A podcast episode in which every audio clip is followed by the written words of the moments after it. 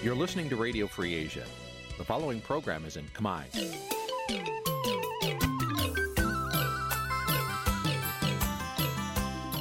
នេះជាកម្មវិធីផ្សាយ Vuthu Azizi Serai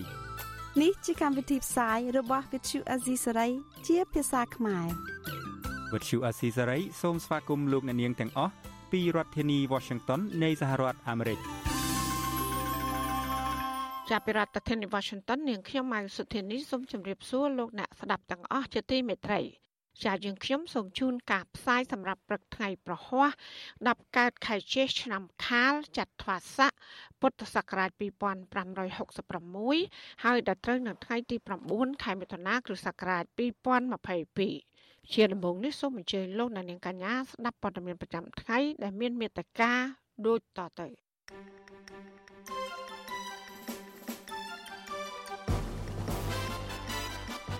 មន្ត្រីអាមេរិកថាការផ្ដាល់មូលដ្ឋានកងទ័ពរៀមផ្ដាច់មុខទៅឲ្យចិន គឺជាការគំរាមកំហែងដល់សន្តិសុខតំបន់លោកកឹមសុខាចោទតឡាការថាយកភ័ស្តុតាងមិនត្រឹមត្រូវមកចោទប្រកាន់លើរូបលោកការដោះស្រាយវិវាទការងាររវាងភាគីក្រុមកម្មករនិងក្រុមហ៊ុនកាស៊ីណូ Naga World នៅតែគ្មានដំណោះស្រាយ បរដ្ឋថាអាញាធរទាប្រាក់ក្រៅសេវាដល់អ្នកដំណើរឆ្លងដែននៅច្រកបោយប៉ែតគឺជាអំពើពុករលួយរួមនឹងព័ត៌មានផ្សេងផ្សេងមួយចំនួនទៀតជាបន្តទៅទៀតនេះនាងខ្ញុំម៉ៃសុធានីសូមជូនព័ត៌មានទាំងនោះពឺស្ដាប់ លោកនាងជាទីមេត្រីរដ្ឋមន្ត្រីការពារជាតិកម្ពុជានិងក្រសួងការបរទេសកម្ពុជា បាន ប្រតិកម្មចំពោះការចោទប្រកាន់ថាកម្ពុជា បានចុះកិច្ចព្រមព្រៀងសម្ងាត់ដើម្បីអនុញ្ញាតឲ្យមានវត្តមានចិនសាងសង់មូលដ្ឋានទ័ពនៅសមុទ្ររៀប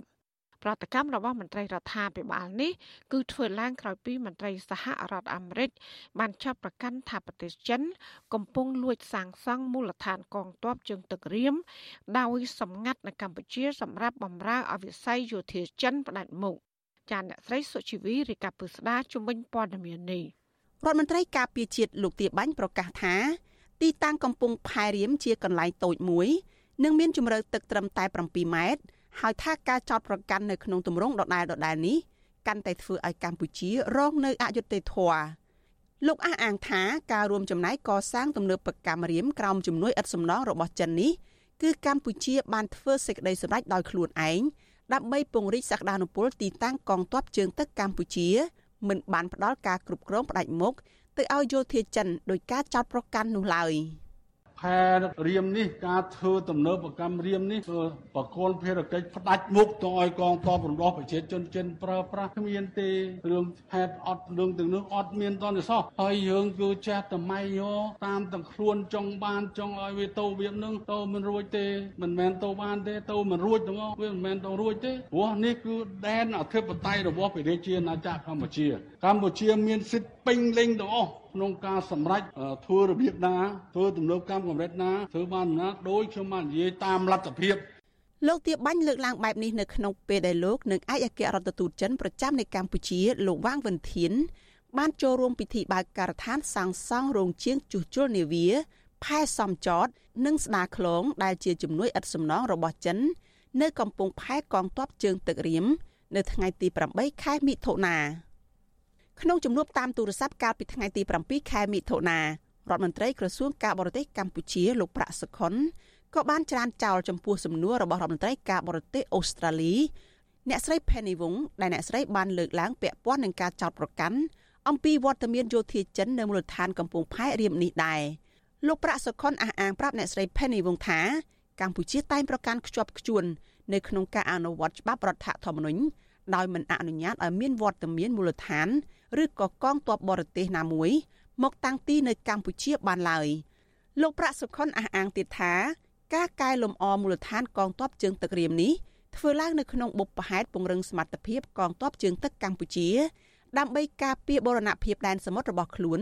និងដើម្បីប្រយុទ្ធប្រឆាំងនឹងឧក្រិដ្ឋកម្មតាមដែនសមុទ្រប្រតិកម្មរបស់មន្ត្រីក្រសួងការពារជាតិនិងក្រសួងការបរទេសបែបនេះ ធ្វើឡើងបន្ទាប់ពីមន្ត្រីជំនាញរបស់សហរដ្ឋអាមេរិកបានលើកឡើងប្រាប់កាសែត The Washington Post កាលពីថ្ងៃទី6ខែមិថុនាដោយបន្តចោទប្រកាន់ថាប្រទេសចិនកកំពុងលួចសាងសង់មូលដ្ឋានកងទ័ពជើងទឹកដោយសម្ងាត់នៅកម្ពុជាសម្រាប់បម្រើឲ្យវិស័យយោធាផ្ដាច់មុខមន្ត្រីអាមេរិករូបនោះបន្តថាការបង្កើតមូលដ្ឋានកងទ័ពជើងទឹករបស់ចិននៅកម្ពុជានឹងក្លាយទៅជាមូលដ្ឋានកងទ័ពចិនទី1នៅក្នុងតំបន់យុទ្ធសាស្ត្រ Indo-Pacific និងជាមូលដ្ឋានកងទ័ពទី2នៅលើពិភពលោករបស់ចិនដែលជាផ្នែកនៃយុទ្ធសាស្ត្ររបស់ក្រុងប៉េកាំងក្នុងការកសាងបណ្ដាញមូលដ្ឋានយោធាជុំវិញពិភពលោកគាំទ្រដល់សេចក្តីប្រាថ្នារបស់រដ្ឋាភិបាលចិនដើម្បីក្លាយជាមហាអំណាចពិតប្រាកដមួយនៅលើសកលលោកទោះបីជាយ៉ាងណាលោកទាបាញ់បន្ថែមថាការបើកការដ្ឋានសាងទំនើបកម្មកំពង់ផែរៀមនេះកម្ពុជានិងអ្នកជំនាញបច្ចេកទេសខាងភៀកគីចិននឹងចាប់ផ្ដើមកសាងនៅថ្ងៃខាងមុខឆាប់ៗនេះ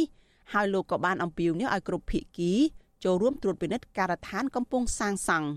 លោកទីបាញ់បញ្ជាក់ទៀតថា នៅពេលបញ្ចប់ការសាងសង់កម្ពុជា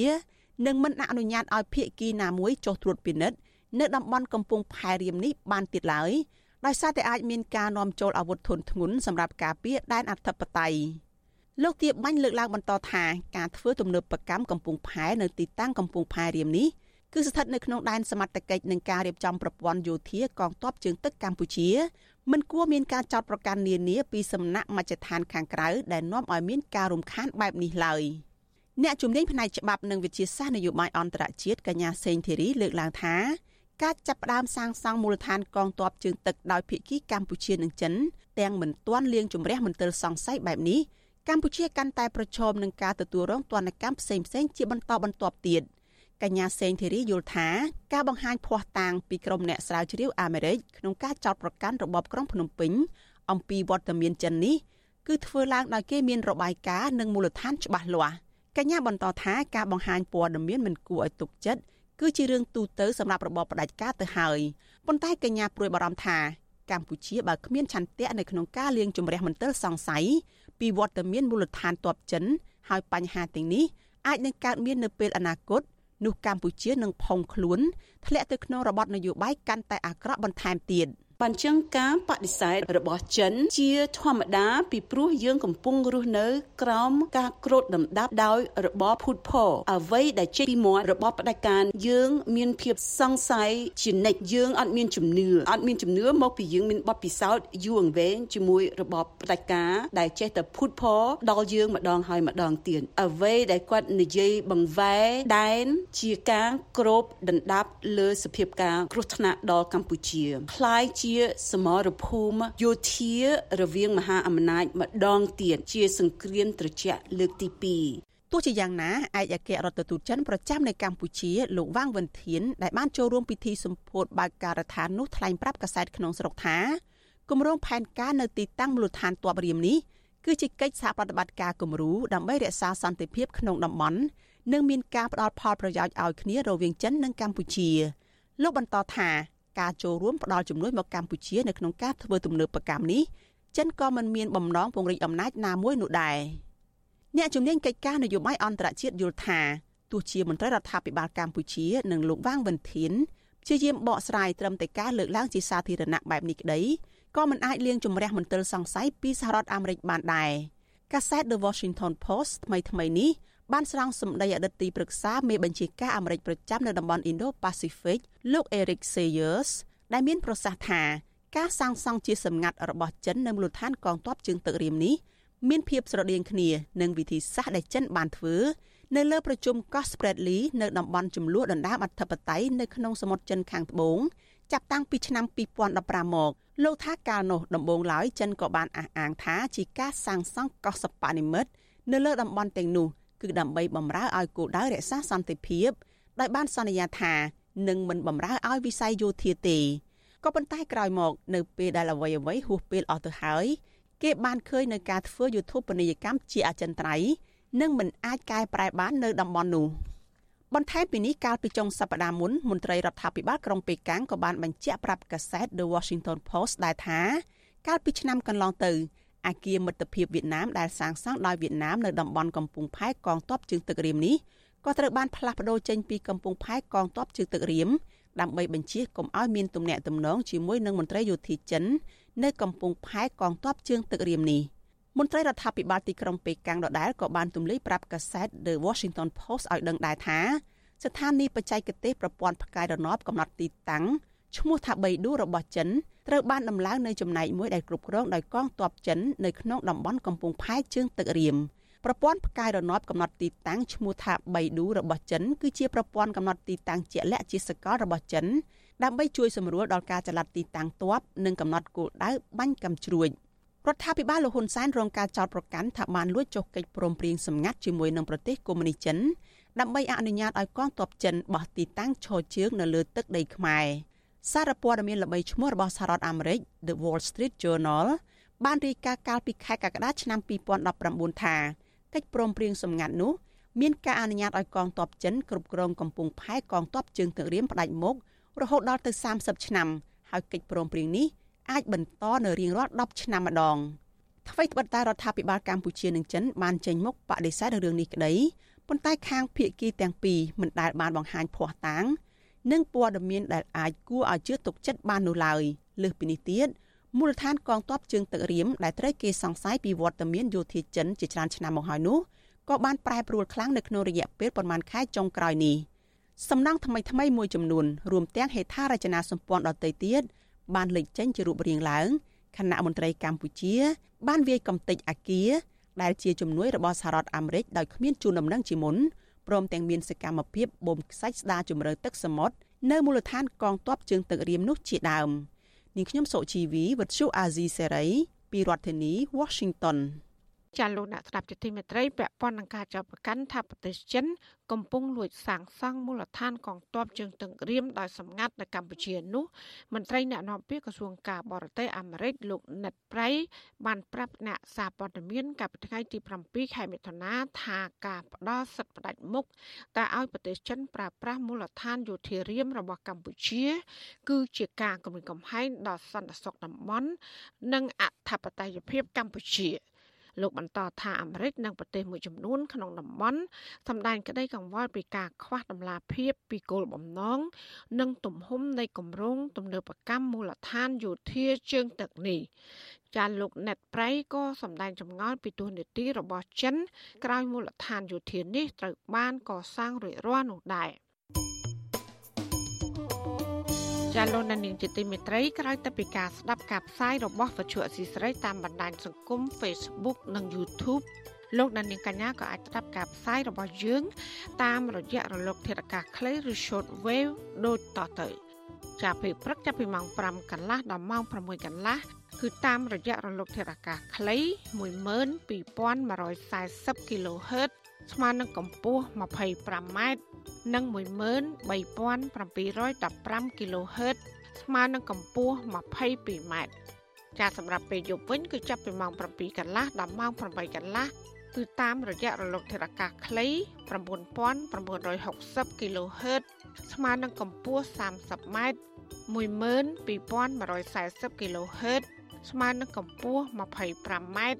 ហើយនឹង11885 kHz ស្មើនឹងកម្ពស់ 25m ចាសសូមអរគុណចាលោកនាងកញ្ញាជាទីមេត្រីសវនាការលើកទី43 របស់មេបកប្រឆាំងកាលពីថ្ងៃពុធម្សិលមិញ មានភាពតាំងតែងខុសពីធម្មតាដែលលោកកឹមសុខាបានចោទតំណាងអัยការថាបានកាត់វីដេអូជាកង់កង់ខ្លីៗដើម្បីដាក់បន្ទុកលើរូបលោកដោយមិនសមហេតុសមផល ហើយថាមិនត្រឹមត្រូវតាមខ្លឹមសារដែរមន្ត្រីសិទ្ធិមនុស្ស យល់ឃើញថាលោកកឹមសុខាមានសិទ្ធិតវ៉ានៅពេលដែលតឡាការលើកយកផតាំងដាក់បន្ទុកណាមួយមិនត្រឹមត្រូវក្នុងការចោទប្រកាន់មកលើរូបលោក ចាប់ពីរដ្ឋធានី Washington លោកសេកបណ្ឌិតរាជការព័ត៌មាននេះ តុលាការបានប្រមូលវីដេអូកាត់តខ្លីៗតាក់ទងបាតកម្មគណៈបកសង្គ្រោះជាតិនៅទីលានប្រជាធិបតេយ្យភ្ជាប់ទៅនឹងបាតកម្មរបស់កម្មករនៅតាមរោងចក្រនានាកាលពីអំឡុងឆ្នាំ2013ដើម្បីចោទប្រកាន់និងដាក់បន្ទុកលើលោកកឹមសុខា ក្នុងសំណុំរឿងក្បត់ជាតិតុលាការក៏បានយកវីដេអូនៃការថ្លែងរបស់លោកសំរងស៊ីនៅក្រៅប្រទេស និងសកម្មភាពគណៈបកភ្លើងទៀនថាមានទំនាក់ទំនងជាមួយនឹងលោកកឹមសុខាដែរ ឆ្លើយតបទៅនឹងការចោទប្រកាន់នេះលោកកឹមសុខាប្រាប់ទៅតុលាការថាពេលនេះលោកគ្មានទំនាក់ទំនងជាមួយនឹងលោកសំរងស៊ីទៀតនោះទេលោកកឹមសុខាបានវាយបកទៅតំណាងអាយកាវិញថាបានព្យាយាមកាត់តវីដេអូនៃការថ្លែងរបស់លោក មកជាវីដេអូកង់កង់ខ្លីៗគឺធ្វើឲ្យខុសពីខ្លឹមសារនៃការថ្លែងរបស់លោកនិងជារឿងមិនត្រឹមត្រូវការដេញដោលគ្នានេះបានបញ្ចប់នៅរសៀលថ្ងៃទី8ខែមិថុនា ក៏ប៉ុន្តែក្រមមេធាវីការពីក្តីលោកកំសខាមិនបានធ្វើសន្និសីទកសែតដោយសពដនោះទេវិទ្យុអាស៊ីសេរីក៏មិនទាន់អាចសុំការបញ្ជាក់បន្ថែមពីក្រមមេធាវីការពីក្តីលោកកំសខាបានដែរនៅថ្ងៃទី8ខែមិថុនាក្រមការងារគណៈបកសង្គ្រោះជាតិនៅខេត្តសៀមរាបលោកខូហាំងមៀងដែលតែងតែឃ្លាំមើលសវនាការលោកកំសខាយល់ថាការដែលតុលាការព្យាយាមភ្ជាប់សំណុំរឿងលោកកំសខាទៅនឹងសកម្មភាពរបស់លោកសំរាស៊ី ព្រោះតុលាការគ្មានលទ្ធភាពអាចរកឃើញថារដ្ឋបរទេសមួយណា ដែលបានខុបខិតជាមួយលោកកំសខា ក្នុងការផ្ដួលរំលំរដ្ឋាភិបាលលោកហ៊ុនសែនដោយទៅនឹងតុលាការចោទប្រកាន់លោកយល់ថាបើតុលាការគ្មានភ័ស្តុតាងគ្រប់គ្រាន់ក្នុងការចោទប្រកាន់លោកកំសខា គួរបញ្ចប់សំណុំរឿងនេះនិងអនុញ្ញាតឲ្យលោកកំសខា មានសិទ្ធិនិងសេរីភាពពេញលេញឡើងវិញ។ ចឹងទៅវាដល់រោបរទេសមួយណាដែលដែលដែលគុកគិតហ្នឹងអត់មានអត់មានហ្នឹងក្រោយមកតឡាការហ្នឹងគាត់ធ្វើការចោទកាន់ពីវីដេអូដែលសំស៊ីនិយាយចឹងទៅចាប់ដៃលោកធានលើកឡើងទៅលើទៅហើយតឡាការថាចោទថាលោកប្រធានហ្នឹងគ្រប់គ្រងសម្ដីសំស៊ីហើយ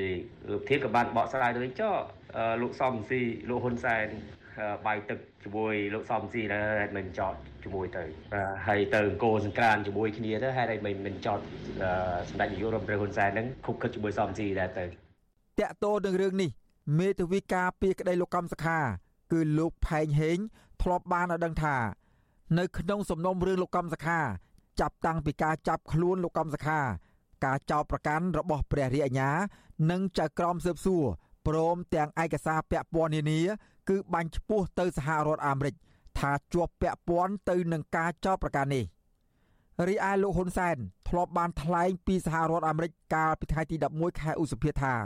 សំណុំរឿងលោកកំសខារដ្ឋាភិបាលមិនបានផ្សារភ្ជាប់ជាមួយសហរដ្ឋអាមេរិកនោះទេលោកហ៊ុនសែនបន្តថាលោកកំសខាខ្លួនឯងទៅវិញទេ បាននិយាយថាសហរដ្ឋអាមេរិកជួយលោកក្នុងការផ្ដួលរំលំរដ្ឋាភិបាលលោកហ៊ុនសែនបន្តថាដើម្បីដោះស្រាយសំណុំរឿងនេះ ត្រូវមានការបកស្រាយបំភ្លឺពីសហរដ្ឋអាមេរិកនាយកទទួលបន្ទុកកិច្ចការទូតនៃអង្គការលីកាដូលោកអមសំអាត ដែលមានក្រុមការងាររបស់លោក ចូលទៅឃ្លាំមើលតុលាការយល់ថាវាជារឿងចម្លែកដែលតុលាការបានយកសកម្មភាពនយោបាយរបស់លោកកំសខា និងលោកសំរាស៊ីកាលពីមុនការរំលែកគណៈបកសង្គ្រោះជាតិមកដាក់បន្ទុកនៅពេលនេះ លោកបន្តថាលោកកំសខា បានសួរទៅតុលាការវិញថា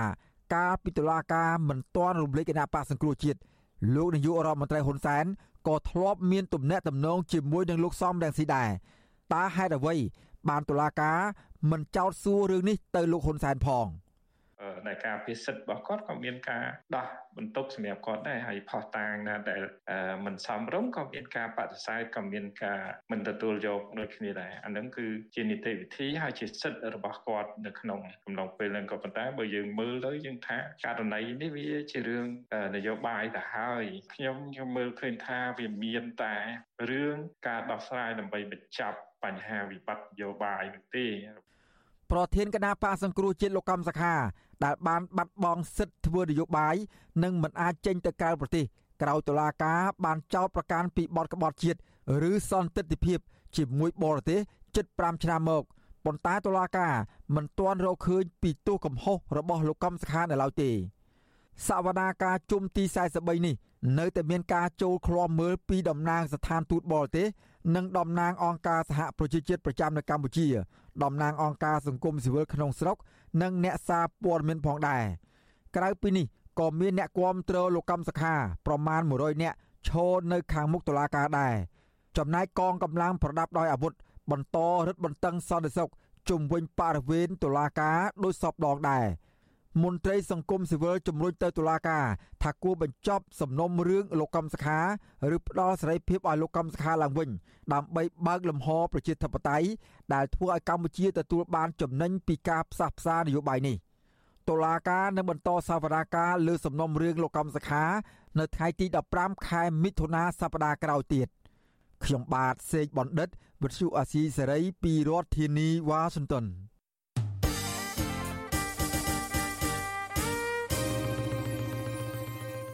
ចាលោកនានីជាទីមេត្រីលោកសំរងស៊ីប្រធានស្ដីទីគណៈបកសង្គ្រោះជាតិអះអាងថាទោះបីជាគណៈបកភ្លើងទៀនឈ្នះអាសនៈក្រុមប្រឹក្សាគុំសង្កាត់បានមួយអាសនៈក្នុងចំណោមជាង5000អាសនៈដែលលោកនាយករដ្ឋមន្ត្រីហ៊ុនសែនដណ្ដើមយកកាលពីឆ្នាំ2017ក៏ដោយក៏បង្ហាញពីភាពជោគជ័យដ៏ធំមួយ សម្រាប់កម្លាំងប្រជាធិបតេយ្យនៅកម្ពុជានោះដែរតើ លោកសំរងស៊ីមានហេតុផលអ្វីខ្លះទៅបានជាហ៊ានអះអាងបែបនេះហើយតើតើអាសនៈរបស់គណៈបកភ្លើងទៀនដែលទទួលបានពីការបោះឆ្នោតក្រុមប្រឹក្សាសង្គមសង្កាត់នេះបង្ហាញពីភាពជោគជ័យដូចម្ដេចខ្លះចាសសូមលោកអ្នកនាងកញ្ញារងចាំស្ដាប់បទសម្ភាសន៍រវាងលោកជុនច័ន្ទបុតនិងលោកសំរងស៊ីនៅក្នុងការផ្សាយផ្ទាល់របស់វិទ្យុអសីស្រីនៅរាត្រីថ្ងៃប្រហ័សនេះកុំបីអខាន ចាសសូមអរគុណ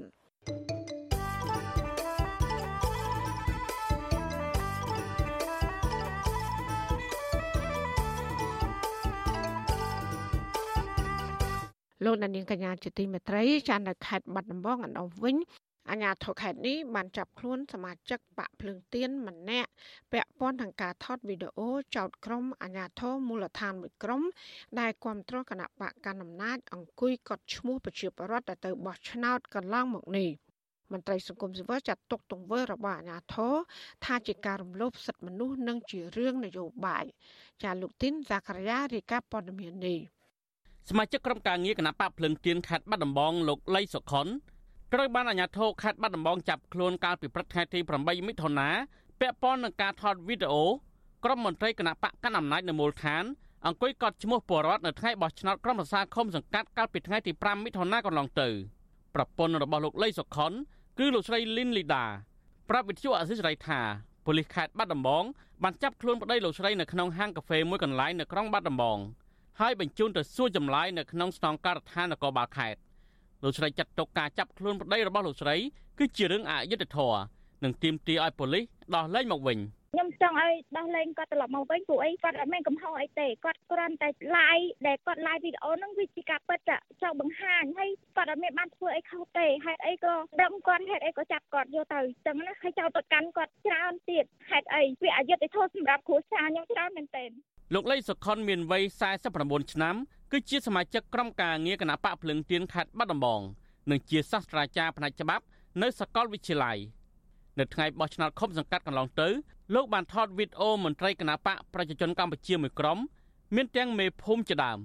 បានដាក់តុងអង្គុយកត់ឈ្មោះប្រជាពលរដ្ឋទៅបោះឆ្នោតនៅក្បែរការិយាល័យបោះឆ្នោតស្ថិតនៅភូមិកំពង់សម្បួរឃុំសំរោងក្នុងស្រុកអាចភ្នំខេត្តបាត់ដំបងហើយវីដេអូនោះមានរយៈពេលជាង4នាទី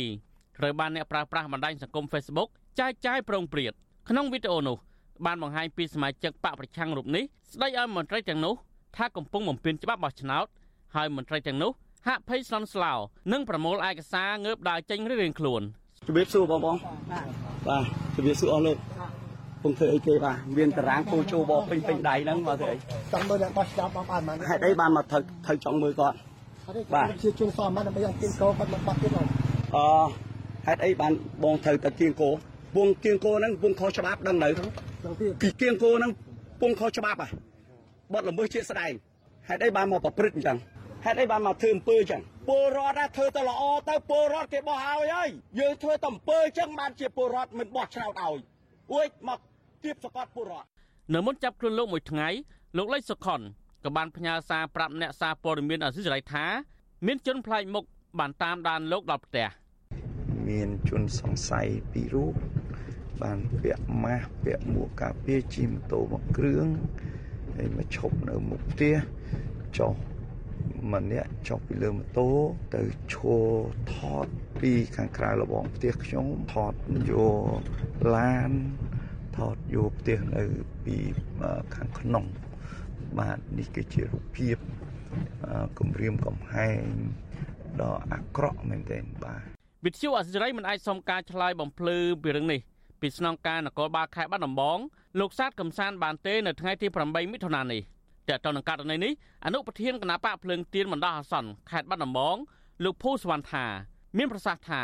ករណីប៉ូលីសចាប់ខ្លួនក្រុមការងាររបស់លោកនេះដោយសារតែមានបណ្ដឹងពីមេក្រុមរបស់គណៈបកប្រជាជនកម្ពុជានៅភូមិកំពង់សម្បួរដែលចោទលោកលីសុខុនពីបទរំលោភសិទ្ធិលំនៅឋានក្រោយពេលលោកថតវីដេអូមេភូមិនិងមន្ត្រីគណៈបកប្រជាជនកម្ពុជាអង្គុយកត់ឈ្មោះប្រជាពលរដ្ឋរបស់ឆ្នោត ទោះជាយ៉ាងណាលោកភូសវណ្ណាឲ្យដឹងថានៅល្ងាចថ្ងៃដដែលនេះដើមបណ្ដឹងរូបនោះបានដកបណ្ដឹងវិញហើយប៉ុន្តែប៉ូលីសមិនព្រមដោយអះអាងថាសំណុំរឿងបានបញ្ជូនដល់ដាច់តុលាការ ភាគច្រើនពួកយើងទាំងអស់គ្នានេះគឺធ្វើតាមនីតិវិធីក្នុងថ្ងៃបោះឆ្នោតគឺយើងគោរពក្នុងថ្ងៃបោះឆ្នោតតែពួកគណៈប្រជាជនធ្វើខុសនឹងគឺយើងប្តឹងទៅផ្សេងគឺមិនដែលមានដំណោះស្រាយមានតែសរុបស្រួលហើយអត់មានទោសទណ្ឌទៀតតែពួកយើងដែលតាមជួយការពារអ្វីដែលទុយពីច្បាប់ដែលពួកគាត់ប្រព្រឹត្តនៅក្នុងភូមិឃុំហ្នឹងក្នុងដំណើរការបោះឆ្នោតហ្នឹងបែរជាមានទោសកពោតដល់ប្តឹងជួយយើងខ្ញុំមកទៅរំអត់រុញទៅតុលាការអញ្ចឹងនេះហើយជាអង្គើអយុធធម៌សម្រាប់ពួកយើងខ្ញុំដែលជាគណៈបព្វឆាំងហើយជាពិសេសយើងដឹងហើយតឡាការកម្ពុជាតែពួកយើងខ្ញុំដាក់ទៅទោះបីរមមេធាវីយ៉ាងម៉េចក៏ការពារមិនដៃឈ្នះពីចោតទៅនេះចោតទៅនោះទៅរហូតបន្តអត់ចេះចោតចេះហើយចឹងទៅលោកលីសុខុននឹងត្រូវប៉ូលីសឃុំខ្លួនបណ្ដោះអាសន្ននៅក្នុងស្នងការដ្ឋាននគរបាលខេត្តបាត់ដំបងមួយយប់ដើម្បីរងចាំបញ្ជូនទៅតុលាការជំវិញនឹងរឿងនេះប្រធានសមាគមការពារសិទ្ធិមនុស្សអាត6លោកនេះសុខាមានប្រសាសន៍ថារឿងនេះផ្ដើមចេញពីលោកលីសុខុនបង្ហាញពីភាពមិនប្រក្រតីនៃការបោះឆ្នោត ដែលកំពុងតែរងការរិះគន់ថាគ្មានសេរីត្រឹមត្រូវនិងយុត្តិធម៌លោកបន្តថាករណីនេះអញ្ញាធិបបង្ហាញពីការអនុវត្តច្បាប់មិនអាយក្រិច និងមានចេតនាបំបាក់ស្មារតីសកម្មជនបកប្រឆាំងវាហាក់បីដូចជាប្រើប្រាស់នៃសកម្មភាពហ្នឹងវាទៅជាបំបាក់ស្មារតីក៏ដូចជាគម្រាមទៅលើអ្នកដែលព្យាយាមក្នុងការបង្ហាញនៅភ័ស្តុតាងបង្ហាញនៅភាពប្រក្រតីនៅក្នុងដំណើរការបោះឆ្នោតទៅវិញរឿងនេះវាគួរណាស់តែអាជ្ញាធរពីព្រោះថាវាពាក់ព័ន្ធទៅនឹងការបោះឆ្នោតដែលកំពុងចម្រូងចម្រាសនេះអាជ្ញាធរគួរតែរក្សាធ្វើយ៉ាងណាដើម្បីព្យាយាមរកឲ្យឃើញនៅអ្វីដែលគេកំពុងតែប្តឹងអំពីភាពដែលមិនប្រក្រតីរបស់ឆ្នោតនេះមិនមិនគួរណាទៅចាប់ខ្លួនគាត់មិនគួរណាទៅគម្រាមកំហែងបំបាក់ស្មារតីអ្នកដែលបង្ហាញភ័ស្តុតាងអំពីភាពមិនប្រក្រតីទៅវិញលោកនេះសុខាចម្រាញ់ទៅតុលាការឲ្យទម្លាក់ចោលការចោទប្រកាន់និងដោះលែងសមាជិកគណៈបកភ្លើងទៀនឲ្យមានសេរីភាពឡើងវិញពីព្រោះការថតរូបប្រមូលភ័ស្តុតាងបង្ហាញពីភាពមិនប្រក្រតីក្នុងថ្ងៃបោះឆ្នោតនោះមិនមែនជាអំពើល្មើសច្បាប់នោះឡើយខ្ញុំទីនសាការីយ៉ាអស៊ីសេរីប្រធានីវ៉ាស៊ីនតោន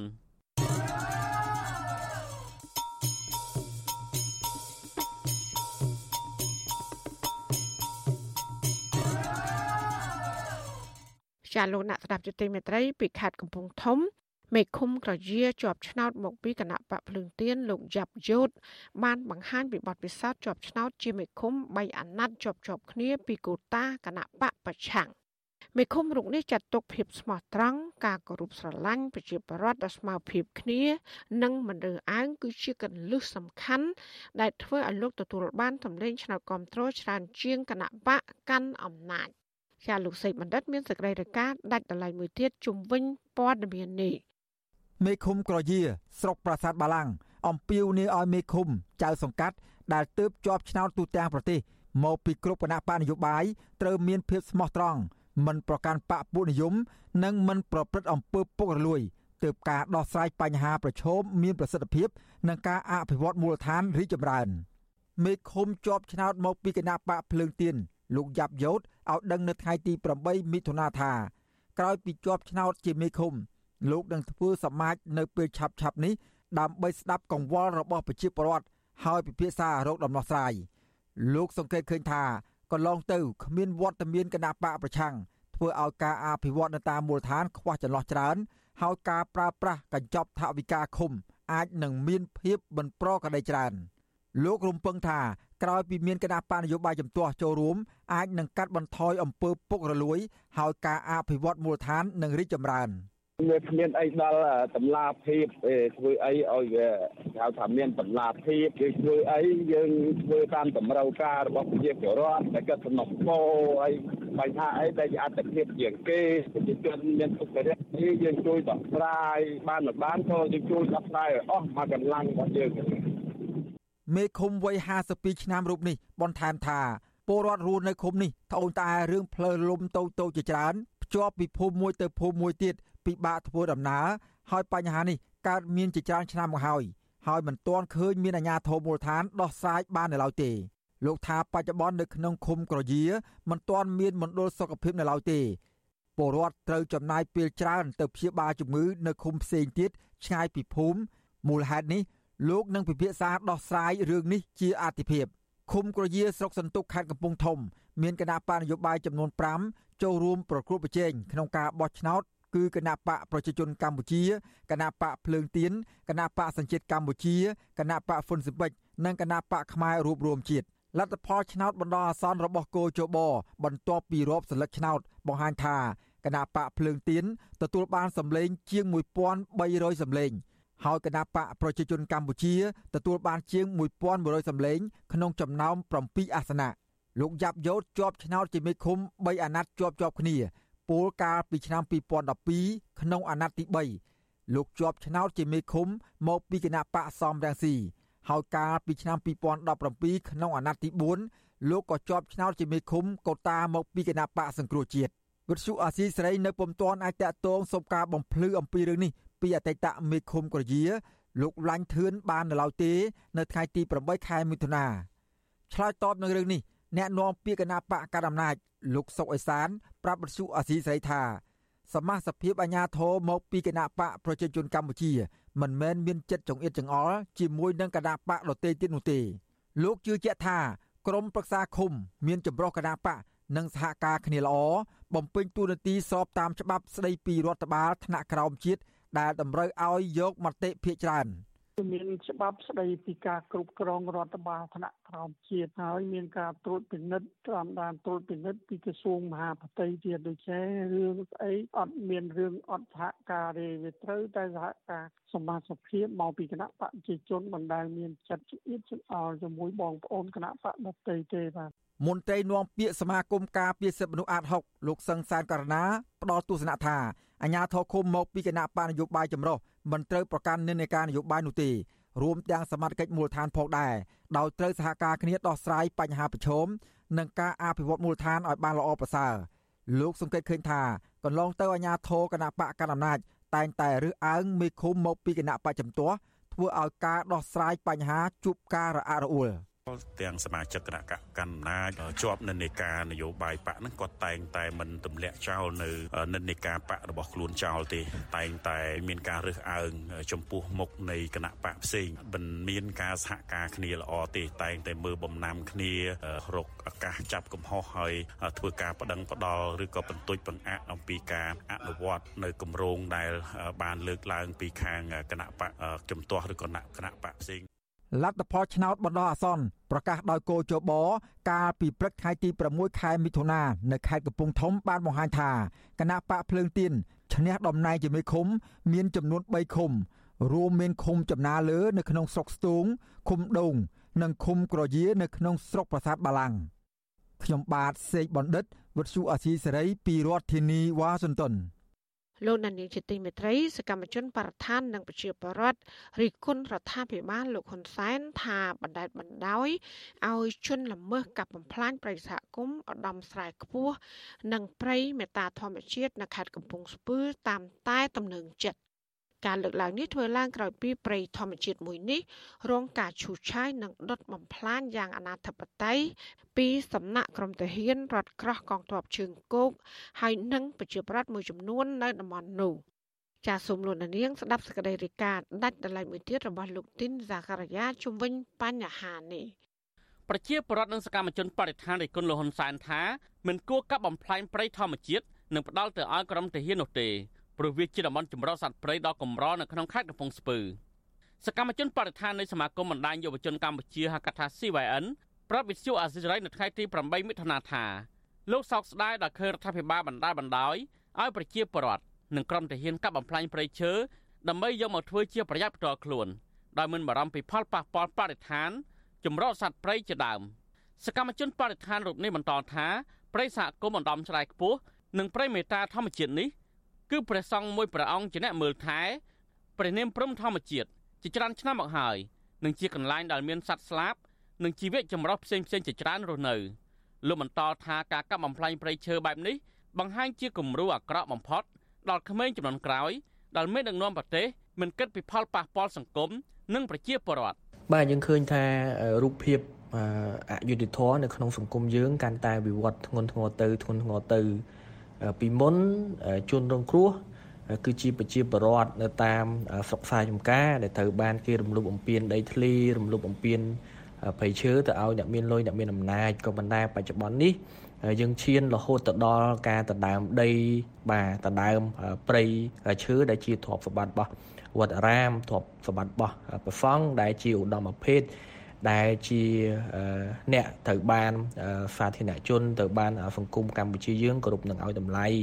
ហើយខ្ញុំគិតថាវាជាគំរូមួយដែលអត់ល្អទេ បាទវានឹងជះឥទ្ធិពលអាក្រក់ទៅដល់មនុស្សជំនាន់ក្រោយហើយយើងក៏មានការបារម្ភដែរយើងអាចសង្ស័យថាព្រៃនេះបន្ទាប់ពីមានការកាប់ឆ្ការសម្អាតរួចគេអាចលក់ទៅឲ្យក្រុមហ៊ុនឯកជនឬក៏អ្នកមានអំណាចណាមួយ ចំណែកបដិជគុណព្រំធម្មជាតិមានថ្នាក់នៃការលើវីដេអូរបស់ព្រះអង្គបង្ហាញពីទស្សនវិជ្ជានៃការកាប់បំផ្លាញព្រៃសហគមន៍កាលពីពេលថ្មីថ្មីនេះថាព្រះអង្គបានប្រឹងប្រែងការពារអស់រយៈពេលជាង20ឆ្នាំមកហើយក៏ប៉ុន្តែចាប់តាំងពីរដ្ឋាភិបាលបើកឲ្យប្រជាពលរដ្ឋនិងកងកម្លាំងទាហានសម្រាប់កាប់ទន្ទ្រានជាហោហែដែលធ្វើឲ្យបាត់បង់សត្វព្រៃជាបន្តបន្ទាប់ប្រតិជនមានរដ្ឋឯកាបន្តថាទោះជាព្រះអង្គសូមអង្វរដល់មន្ត្រីទាហាន ដែលកំពុងឈូសឆាយក៏ពួកគេមិនព្រមបញ្ឈប់សកម្មភាពនោះដែរព្រះអង្គបន្តថាបើសិនជាសកម្មភាពការកាប់បំផ្លាញព្រៃឈើនៅតែមានដូចសពថ្ងៃនឹងធ្វើឲ្យហិនហោចព្រៃឈើនៅតំបន់នោះជាមិនខានហើយខ្ញុំបកករណាអាត្មាភាពក៏ឃើញថាញាតិញោមបងប្អូនគាត់ចូលមកអាឈើវាដូចថាជ្រៅទៅជ្រៅទៅហាមិនបាន អង្វរក៏មិនបានអីក៏មិនបានអាត្មាភាពក៏គិតថាមិនដឹងជាញាតិញោមអាដល់ណាដល់ណីហើយក៏អង្វរសំពះថ្វាយបង្គំលួងលោមធ្វើអស់ហើយកិរិយាទុនភ្លុនកិរិយាជាសិលធម៌ប្រតិជនព្រំធម្មជាតិបន្ថែមថាដែនចម្រោកសត្វព្រៃភ្នំអរ៉ាល់ដែលបរដ្ឋហៅតតគ្នា ថាព្រៃសហគមន៍ឧត្តមច្រាយខ្ពស់និងព្រៃមេតាធម្មជាតិ មានផ្ទៃដីសរុបជាង2000ហិកតា ស្ថិតនៅក្នុងភូមិសាស្ត្រភូមិពោមាសឃុំត្រពាំងជោស្រុកអូរ៉ាល់ខេត្តកំពង់ស្ពឺរដ្ឋាភិបាលលហ៊ុនសែនបានកាត់ដីនេះដើម្បីបែងចែកទៅឲ្យក្រុមគ្រួសារកងទ័ពនៃបញ្ជាការដ្ឋានរថក្រោះកងទ័ពជើងគោកនិងបរដ្ឋចំនួន41គ្រួសារសម្រាប់ធ្វើលំនៅឋាននិងបង្កបង្កើនផលបរដ្ឋលើកឡើងថាការកាត់ដីព្រៃសហគមន៍នេះមិនបានផ្ដល់ដំណឹងឲ្យប្រជាពលរដ្ឋនៅជំវិញនោះបានដឹងជាមុននោះទេ ជំវិញនៅរឿងនេះអភិបាលខេត្តកំពង់ស្ពឺលោកវៃសំណាងប្រាប់វិទ្យុអាស៊ីសេរីនៅថ្ងៃទី8មិថុនាថាការលើកឡើងរបស់ប្រជាពលរដ្ឋគឺជាសិទ្ធិនៃការបញ្ចេញមតិហើយលោកមិនមានការឆ្លើយតបអ្វីនោះទេលោកបន្តថាខាអាញាធមូលដ្ឋាន បានប្រឹងប្រែងដោះស្រាយជាបណ្ដាបណ្ដាហើយនឹងមិនមានបញ្ហាអ្វីទៀតនោះទេគូចង់និយាយថារឿងអីទាំងអស់អត់មានតែចង់ឃើញបងប្អូនណាកើតទុកទូមនិញនេះទេយើងប្រឹងធ្វើការហ្នឹងគឺដើម្បីបម្រើរាជបម្រើរដ្ឋបម្រើប្រជាជនហ្នឹងហើយ មានតែចង់ឃើញពីណាបំពេញពីណាទេហើយដីតំបន់យើងនៅអារ៉ាវហ្នឹងយើងដឹងហើយតើកាលពីមុនមានប្រជាជនណាទៅនៅក្មួយឯងកើតមកតន់អត់សម័យសង្គ្រាមអាហ្នឹងសិទ្ធិតំបន់គេបាញ់គ្នាជាទីទងជាមួយអាពតហ្នឹងត្រូវយល់អាហ្នឹងតែយើងយល់ពីសារបានស្រុកយើងសិនបានយើងអាចដឹងថាប្រជាជនឬក៏អ្នកណាជួនកាលមិនមែនប្រជាជនចាស់ណាទេប្រជាជនថ្មីទៅចង់បាននេះបាននោះបានដីបានឃ្លីអី គាត់ជាឋាននេះឋាននោះជាងទៅទោះបីជាបែបនេះក្តីប្រជាប្រដ្ឋធ្លាប់ប្រាប់វិទ្យុអសិរ័យថាក្រុមទាហានក្រោយទទួលបានដីសម្បត្តិសង្គមគិច្ចនេះបានដាក់គ្រឿងចាក់ឈូសឆាយនិងប្រើកម្លាំងកម្មករឲ្យចូលទៅកាប់រុករានប្រៃឈើនៅតំបន់នោះប៉ុន្តែត្រូវបានអ្នកភូមិរាប់រយនាក់នៅឃុំត្រពាំងជោតវ៉ាប្រឆាំងឈោហែព្រោះប្រៃសហគមន៍នេះពួកគេបានការពារជាង20ឆ្នាំមកហើយប្រជាពលរដ្ឋបានដឹងថាបច្ចុប្បន្ននេះ ដីព្រៃសហគមន៍នេះនៅសល់ប្រហែលជា900ហិកតាតែប៉ុណ្ណោះនិងកំពុងតែរងនឹងការកាប់ទន្ទ្រានដុតបំផ្លាញព្រៃយ៉ាងធ្ងន់ធ្ងរខណៈព្រៃសហគមន៍នេះជាប្រភេទតំបន់ព្រៃស្រោងជាជំរកសត្វព្រៃជាច្រើនប្រភេទកំពុងរស់នៅជាពិសេសប្រភេទសត្វព្រៃជិតផុតពូជដែលប្រជាពលរដ្ឋនិងព្រះសង្ឃបានការពារជាង20ឆ្នាំមកហើយសកម្មជនបរិស្ថាននិងប្រជាពលរដ្ឋមើលឃើញថាការបណ្ដាយឲ្យទាហានចុះកាប់រន្ទ្រានដីព្រៃអភិរក្សមួយនេះតាមដំណឹងចិត្តនោះ នឹងធ្វើឲ្យប៉ះពាល់បរិស្ថាននិងបាត់បង់សត្វព្រៃកម្រជាមិនខាននៅពេលអនាគតខ្ញុំទីនសាការីយ៉ាអសិសរីប្រធានីវ៉ាស៊ីនតោនលោកដានីកញ្ញាកំពុងស្ដាប់ការផ្សាយរបស់វិទ្យុអសីស្រីផ្សាយចេញពីរដ្ឋធានី Washington ជាសកម្មជនប្រៃឈើនិងប្រជាសហគមន៍នៅតំបន់ព្រៃឡង់ស្នើឲ្យមេឃុំអាណត្តិទី5ដែលទើបនឹងបានជាប់ឆ្នោតកាលពីពេលថ្មីថ្មីនេះត្រូវតែពង្រឹងការអនុវត្តច្បាប់និងចោះបង្ក្រាបបទល្មើសព្រៃឈើឲ្យមានប្រសិទ្ធភាពការស្នើនេះក្រោយពីពួកគេរកឃើញថាមេឃុំ ដែលដឹកនាំដោយគណៈបកកាន់អំណាចបានប្រព្រឹត្តអំពើពុករលួយធ្ងន់ធ្ងរជាមួយនឹងក្រុមហ៊ុន អាឈើយ៉ាងអនាធបត័យកាលពីអាណត្តិមុន ចាលោកណានៀងក៏នឹងបានស្ដាប់សេចក្តីរាយការណ៍ពុស្ដាអំពីរឿងនេះនាពេលបន្តិចទៀតនេះចាសសូមអរគុណ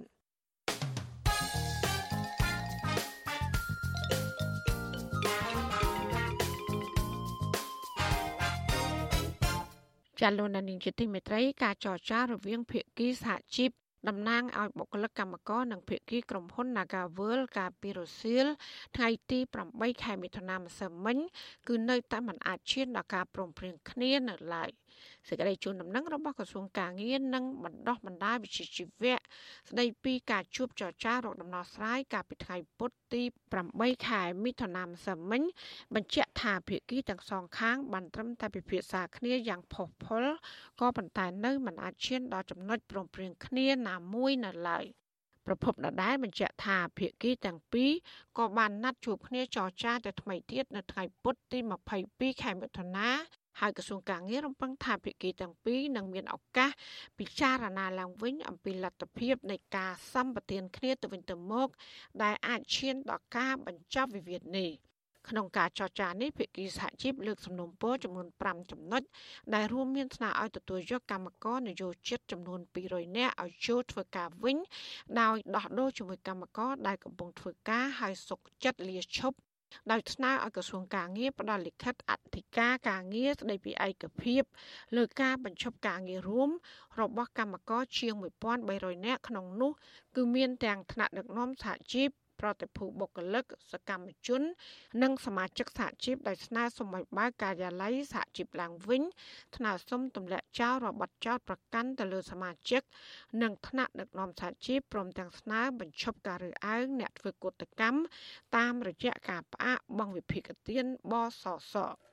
ភាគីក្រុមហ៊ុនឆ្លើយតបនឹងភាគីសហជីពថាមិនអាចធ្វើតាមដំណើរសំដោះដូរបុគ្គលិក ដែលកំពុងធ្វើការនឹងបុគ្គលិកដែលត្រូវកាត់ឈ្មោះបានឡើយហើយចំណែកឯការស្នើសុំបន្តបង់វិភាគទានបសសនោះក៏ក្រុមហ៊ុនមិនអាចធ្វើបានដែរព្រោះអ្នកធ្វើកុតកម្មមិនធ្វើការគឺគ្មានចំណូល។ ស្របគ្នានឹងការចរចានេះអាជ្ញាធររាជធានីភ្នំពេញនៅតែបន្តរារាំងក្រុមគឧតកោ Nagawal ប្រមាណជិត100នាក់មិនឲ្យឈរតវ៉ានិងលើកបណ្ដានៅក្បែរអគារក្រុមហ៊ុន កាលពីថ្ងៃទី8ខែមិថុនាម្សិលមិញគឧតកោអះអាងថាអាញាធរបានបង្ខំចាប់ពួកគេបញ្ចូលក្នុងឡានក្រុង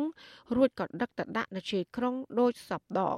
មកដល់ពេលនេះការតវ៉ារបស់គឧតកោ Nagawer បានបន្តរយៈពេល5ខែមកហើយ។ ក្រុមគឧតកោអះអាងថាពួកគេនៅតែបន្តការតវ៉ារហូតដល់មានដំណោះស្រាយសមរម្យ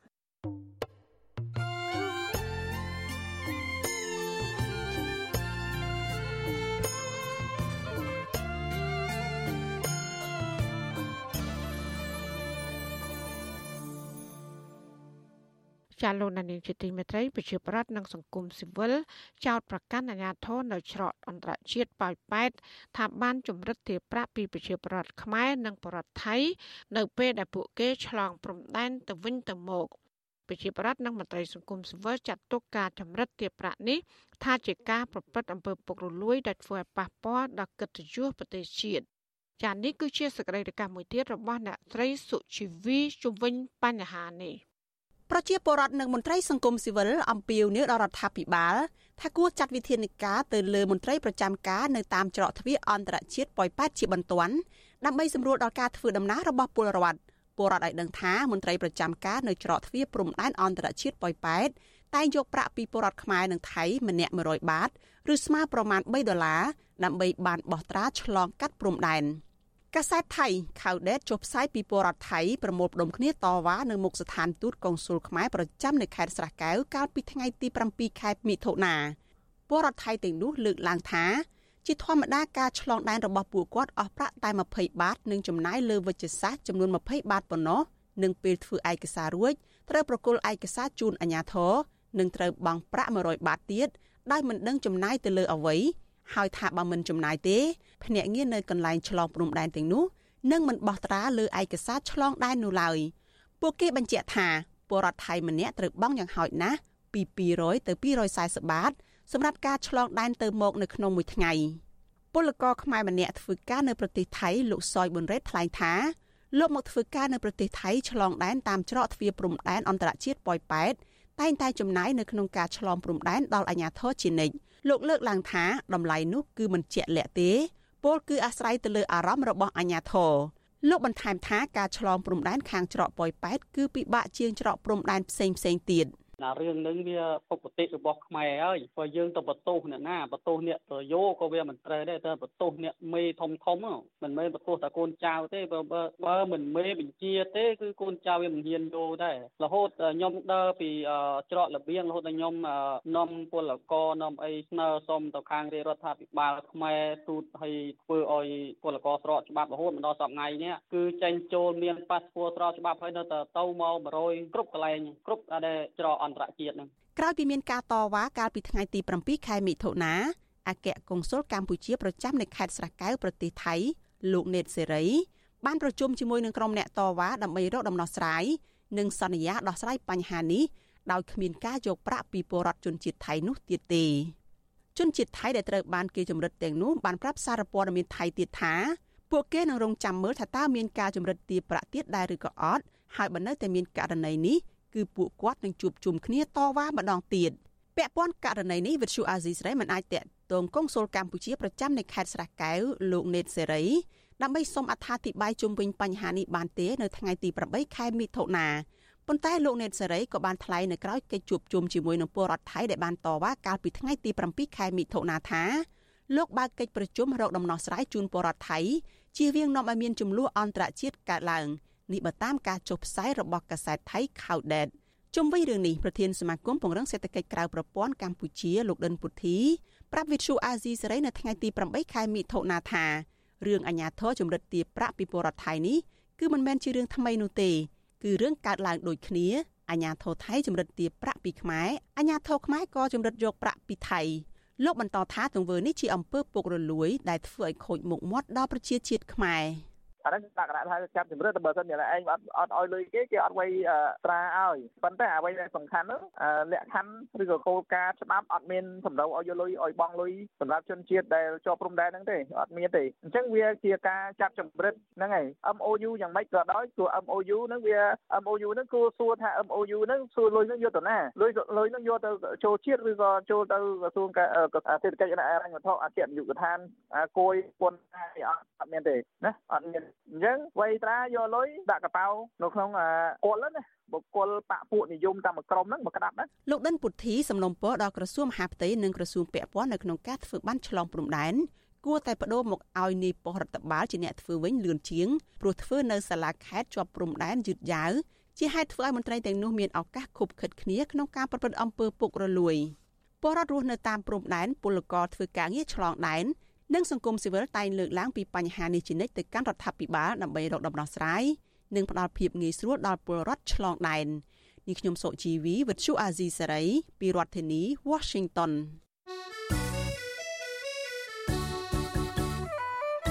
ចាលោកនាងជាទីមេត្រីក្នុងឱកាសនេះដែរនាងខ្ញុំសូមថ្លែងអំណរគុណដល់លោកនាងកញ្ញាដែលតែងតែមានភក្ដីភាពចំពោះការផ្សាយរបស់យើង ហើយចាត់ទុកការស្ដាប់វិទ្យុអសីស្រីជាផ្នែកមួយនៃសកម្មភាពប្រចាំថ្ងៃរបស់លោកអ្នកចាការគ្រប់គ្រងរបស់លោកនាងនេះហើយដែលធ្វើយើងខ្ញុំមានទឹកចិត្តកាន់តែខ្លាំងបន្ថែមទៀតក្នុងការស្វែងរក និងផ្តល់ព័ត៌មាន សម្រាប់ជូនលោកនាង ចាំមានអ្នកស្ដាប់និងអ្នកទស្សនាកាន់តែច្រើនកាន់តែធ្វើឲ្យយើងខ្ញុំមានភាពស្វាហាប់មោះមុតជាបន្តទៀតចាយើងខ្ញុំសូមអរគុណទុកជាមុនហើយក៏សូមអញ្ជើញលោកដានៀងកញ្ញាចូលរួមជំរុញសកម្មភាពផ្តល់ព័ត៌មានរបស់យើងនេះឲ្យកាន់តែបានជោគជ័យបន្ថែមទៀត ចាលោកដានៀងអាចជួយយើងខ្ញុំបានដោយគ្រាន់តែចុចចែករំលែកឬ share ការផ្សាយរបស់យើងខ្ញុំនៅលើបណ្ដាញសង្គម Facebook និង YouTube ទៅកាន់មិត្តភ័ក្តិរបស់លោកនាងដើម្បីឲ្យការផ្សាយរបស់យើង បានទៅដល់មនុស្សកាន់តែច្រើនចាសសូមអរគុណ ចាលោកនានីជាទីមេត្រីសកម្មជនប្រឈើនិងប្រជាសហគមន៍នៅតំបន់ព្រៃឡង់ស្នើឲ្យមេឃុំអាណត្តិទី5ដែលទើបជាប់ឆ្នោតការពិពេលថ្មីថ្មីនេះត្រូវពង្រឹងការអនុវត្តច្បាប់និងចោះបង្ក្រាបបទល្មើសព្រៃឈើឲ្យមានប្រសិទ្ធភាពការស្នើនេះក្រោយទៅពួកគេរកឃើញថាមេឃុំដែលដឹកនាំគណៈបកកាន់អំណាចបានប្រព្រឹត្តអំពើពុករលួយធ្ងន់ធ្ងរជាមួយនឹងក្រុមហ៊ុនអាឈើ ចាប់ពីរដ្ឋធានី Washington លោកជាតិចំណានរាយការណ៍ពុស្ដាជំវិញព័ត៌មាននេះដូចតទៅនៅក្នុងអាណត្តិទី5នៃការបោះឆ្នោតជ្រើសរើសក្រុមប្រឹក្សាគុំសង្កាត់ទើបតែបញ្ចប់ថ្មីថ្មីនេះសកម្មជនប្រៃឈើនិងជាប្រជាសហគមន៍ក្នុងខេត្តចំនួន4គឺខេត្តកំពង់ធំខេត្តព្រះវិហារខេត្តស្ទឹងត្រែងនិងខេត្តក្រចេះដែលរស់នៅជុំវិញព្រៃឡង់លើកឡើងថាបទល្មើសព្រៃឈើនៅតែកើតឡើងយ៉ាងអនាធបត័យហើយពួកគេខកចិត្តចំពោះមេឃុំអាណត្តិមុនដែលដឹកនាំដោយបកកាន់អំណាច ថាជាអ្នកនៅពីក្រោយនៃបទល្មើសព្រៃឈើដែលគ្មានការយកចិត្តទុកដាក់ពួកគេស្នើឲ្យមេឃុំអាណត្តិទី5នេះត្រូវពង្រឹងការអនុវត្តច្បាប់និងបញ្ឈប់ការប្រព្រឹត្តអំពើពុករលួយសមាជិកបណ្ដាញព្រៃឡង់លោកហឹមចំណូប្រាប់វិសុអស៊ីស្រីនៅថ្ងៃទី7ខែមិថុនានេះថាកាលពីអាណត្តិទី4មានមន្ត្រីបកនយោបាយមួយចំនួនបានលើកឡើងពីបញ្ហាព្រៃឈើដែរជាពិសេសមន្ត្រីរបស់គណៈបកសង្គ្រោះជាតិដែលត្រូវបានតុលាការរំលាយចោលកាលពីឆ្នាំ2017 ប៉ុន្តែក្នុងអាណត្តិនេះមិនមានគណៈបកណាមួយខ្វល់ខ្វាយនោះទេរួមទាំងបកកាន់អំណាចផងដែរលោកបន្តថាវាជារឿងគួរឲ្យសោកស្ដាយដែលបកកាន់អំណាចមានតំណែងជាមេឃុំប៉ុន្តែមិនចូលរួមទប់ស្កាត់បទល្មើសព្រៃឈើដែលបណ្ដាលឲ្យមានការកាប់ទន្ទ្រានព្រៃអភិរក្សមួយនេះកើតឡើងជាហូរហែលោកហឹមចំណូដែលជាអ្នករស់នៅក្នុងភូមិទន្សោងធ្លាក់ឃុំកំពង់ចាមសង្ឃឹមថាមេឃុំដែលពលរដ្ឋបោះឆ្នោតឲ្យនោះនឹងប្រឹងប្រែងធ្វើការងារដើម្បីផលប្រយោជន៍ជាតិលោកថាប្រសិនបើអាណត្តិនេះ មេឃុំរបស់បកកាន់អំណាចនៅតែកាន់តំណែងជាមេឃុំនោះប្រកាសណាស់បទល្មើសព្រៃឈើនៅតែមានដោយកន្លងមកគឺអាជ្ញាធរទាំងនោះជាអ្នកនៅពីក្រោយពីការប្រព្រឹត្តអំពើពុករលួយធ្ងន់ធ្ងរខុបខិតជាមួយនឹងជនល្មើសជាការស្នើសុំរបស់ខ្ញុំ គឺសូមចង់ឲ្យចៅសង្កាត់នឹងជួយពិនិត្យមើលទៅលើបទល្មើសព្រៃឈើកាប់រៀនដី និងការធ្វើវិនិយោគទុនអំពីសំណាក់ក្រុមហ៊ុនផ្សេងផ្សេងដែលប៉ះពាល់ដល់ព្រៃឡង់វិសុអស៊ីស្រី មិនអាចតាក់ទងមេឃុំមកពីគណៈបកប្រជាជនកម្ពុជានៅឃុំកំពង់ចាមលោកខឹមណននិងអភិបាលស្រុកសម្បូរលោកសុំសារិតបាននោះទេដោយទូរស័ព្ទចូលពុំមានអ្នកទទួលចំណែកពលរដ្ឋម្នាក់ទៀតនៅខេត្តស្ទឹងត្រែងលោកខេងខូលើកឡើងថាលោកបារម្ភចំពោះស្ថានភាពព្រៃឡង់រយៈពេលប្រមាណឆ្នាំចុងក្រោយនេះព្រោះបទល្មើសមានការកើនឡើងយ៉ាងខ្លាំងហើយឈានដល់ការកាប់ទន្ទ្រានយកដីនៅតំបន់ព្រៃឡង់ពីសំណាក់ប្រជាពលរដ្ឋនិងអ្នកមានអំណាចដើម្បីធ្វើស្រែចម្ការលោកបន្តថា បើទោះបីជាបកកាន់អំណាចទទួលបានតំណែងជាមេឃុំកាំងចាមស្រុកថ្លាបរិវត្តក៏ដោយចុះប៉ុន្តែលោកស្នើឲ្យអាជ្ញាធរជាពិសេសមេឃុំគួរតែផ្លាស់ប្តូរអរិយាប័ត្រឡើងវិញដើម្បីចូលរួមអភិរក្សធនធានធម្មជាតិលោកបារម្ភថាប្រសិនបើរដ្ឋាភិបាលមិនខ្វល់ខ្វាយក្នុងការលុបបំបាត់អំពើពុករលួយដែលកើតមានឡើងជាប្រព័ន្ធនៅក្នុងមូលដ្ឋានទេនោះនឹងធ្វើឲ្យបញ្ហាប្រៃឈើនៅតែបន្តបាត់បង់លោកបន្តថាកន្លងមកមេឃុំបកកាន់អំណាចមិនបានសហការល្អជាមួយប្រជាសហគមន៍ប្រៃឡង់នោះទេ តែផ្ទុយទៅវិញតែងតែចោទប្រកាន់សហគមន៍ថាមានចេតនាមិនល្អទៅលើអាជ្ញាធរមូលដ្ឋានលោកបន្តថាការចោទប្រកាន់របស់អាជ្ញាធរមកនេះគឺដើម្បីការពារក្រុមឈ្មួញឈើនិងជនល្មើសតែប៉ុណ្ណោះខ្ញុំក៏មិនទាន់នឹងថាម៉េចដែរក៏លោកគាត់ផ្លាស់ប្ដូរអេរិយាប័ត្រអឺទៀតណាដោយសារតែយើងបោះឆ្នោតថ្មីថ្មីហើយអេរិយាប័ត្រយើងអេរិយាប័ត្ររបស់គាត់យើងមិនទាន់បានឃើញនៅឡើយទេ ហើយឬមួយគាត់ផ្លាស់ប្ដូរបន្តទៀតអីផ្លាស់ប្ដូរទៀតឬមួយគាត់មិនផ្លាស់ប្ដូរអាហ្នឹងអាស្រ័យយើងតាមដានពួកគាត់បន្តទៀតបាទខ្ញុំបើសិនជាអឺការគាត់បានឃោសនាអ្វីមួយឲ្យគុំសង្កាត់ប្រជាពលរដ្ឋបានដឹងឮនៅតាមគុំសង្កាត់ហើយតែបើគាត់មិនអនុវត្តអឺចូលរួមការពារទេខ្ញុំមានការខកចិត្តខ្លាំងចំពោះ អាជ្ញាធរមូលដ្ឋានដែលគាត់មានឆន្ទៈមានបាដងការពារទន្ទឹងធម្មជាតិនៅក្នុងតំបន់បៃឡង់នេះហើយ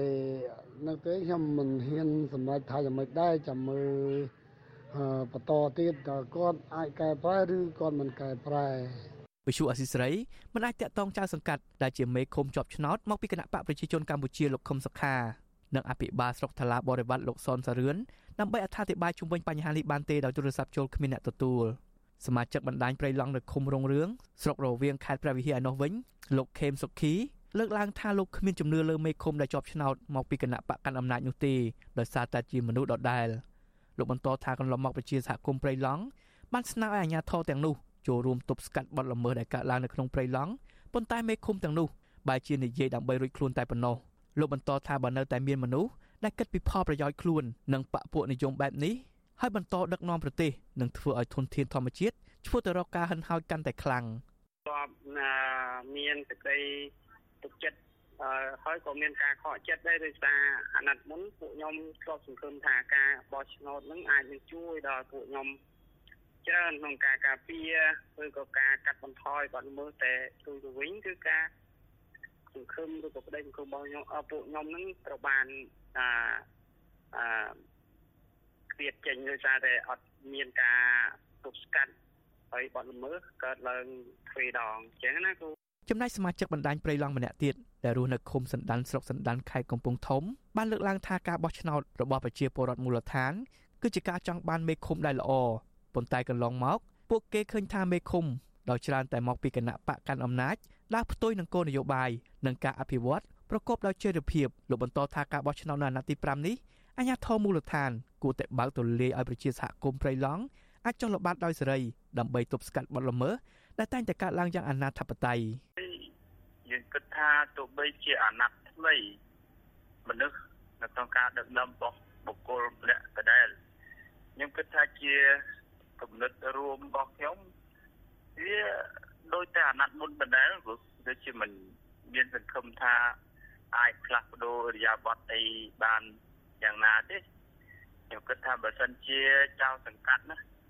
ត្រូវមានការមានការផ្លាស់ប្ដូរជាប្រព័ន្ធខ្ញុំគិតថាវាអាចដំណើរការទៅរួចជុំវិញរឿងនេះមន្ត្រីសម្របសម្រួលគម្រោងបណ្ដាញយុវជនកម្ពុជាហៅកាត់តា CYN លោកអ៊ូតឡាទីនប្រាប់វិសុអេស៊ីសរ៉ៃថាបញ្ហាប្រៃឡង់គឺជារឿងដែលអ្នកនយោបាយត្រូវតែយកចិត្តទុកដាក់ខ្ពស់ដើម្បីកាត់បន្ថយបញ្ហាបំរែបំរួលអាកាសធាតុ លោកបន្តថាអ្វីដែលពលរដ្ឋចង់បាន គឺមេឃុំដែលល្អដែលចូលរួមដោះស្រាយបញ្ហាកើតមាននៅក្នុងមូលដ្ឋានរបស់ខ្លួនលោកបន្តថាកន្លងមកមេឃុំដែលនៅក្នុងតំបន់ព្រៃឡង់មិនបានយកចិត្តទុកដាក់ការពារព្រៃឈើនោះទេរហូតដល់បណ្តែតបណ្ដោយឲ្យមានបាត់ល្មើសកើតមានដោយសេរីលោកមើលឃើញថាអាញាធរមូលដ្ឋានមិនពេញចិត្តជាមួយនឹងសកម្មជនព្រៃឈើនិងប្រជាសហគមន៍នោះទេដោយសារតែខ្លាចបាត់បង់ចំណូលដែលទទួលបានពីការប្រព្រឹត្តអំពើពុករលួយរបស់ខ្លួនបាក់ដៃឲ្យជនល្មើសចូលកាប់ទន្ទ្រានព្រៃឡង់កន្លងមក កន្លងទៅមេឃុំចៅសង្កាត់ដែល បានជួបឆ្នោតតាមការសង្កេតរបស់ខ្ញុំនឹងហើយនឹងបទពិសោធន៍ដែលខ្ញុំធ្វើការងារជាក់ស្ដែងនៅតំបន់ពីឡង់ខ្ញុំសង្កេតឃើញថាមេឃុំចៅសង្កាត់នៅតំបន់ទាំងនោះគាត់មិនបានយកចិត្តទុកដាក់ក្នុងការក្នុងកិច្ចការពារធនធានធម្មជាតិដោយកិច្ចការងារបករបស់ពួកគាត់នោះទេហើយមិនតែប៉ុណ្ណោះគាត់មិនសប្បាយចិត្តទេនៅពេលដែលក្រមការងារដូចជាសកម្មជនព្រៃឡង់ ក្រមសមាគមអង្គការមិនរដ្ឋាភិបាលនឹងទៅធ្វើការងារនៅតំបន់គាត់ហើយគាត់បង្ហាញអេយ៉ាបតមិនមិនសប្បាយរីករាយនោះទេពេលដែលយើងទៅធ្វើសកម្មភាពផ្សេងផ្សេងនៅក្នុងមូលដ្ឋានយើងតែងតែឃើញមានប៉លិសប៉ុស្តិ៍គាត់ទៅគាត់ស្ពាយកំភ្លើងទៅពាក្យឯកសន្តានទៅសួរសួរនាំពួកយើងហើយ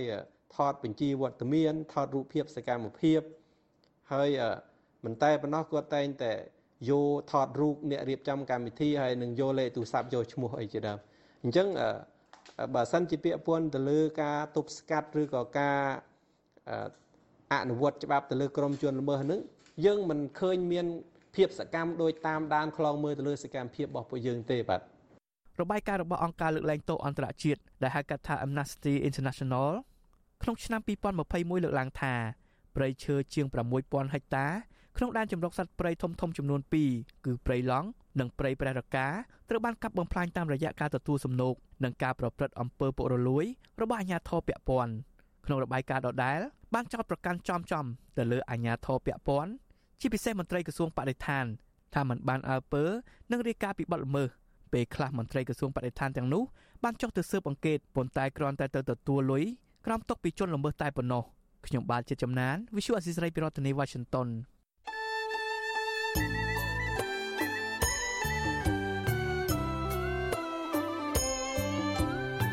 ចាលោកនាងកញ្ញាអ្នកស្ដាប់យុតិមេត្រីកັບផ្សាយរយៈពេល1ម៉ោងនៃវិទ្យុអាស៊ីសេរីជាភាសាខ្មែរនៅពេលនេះចាប់តែប៉ុណ្ណេះ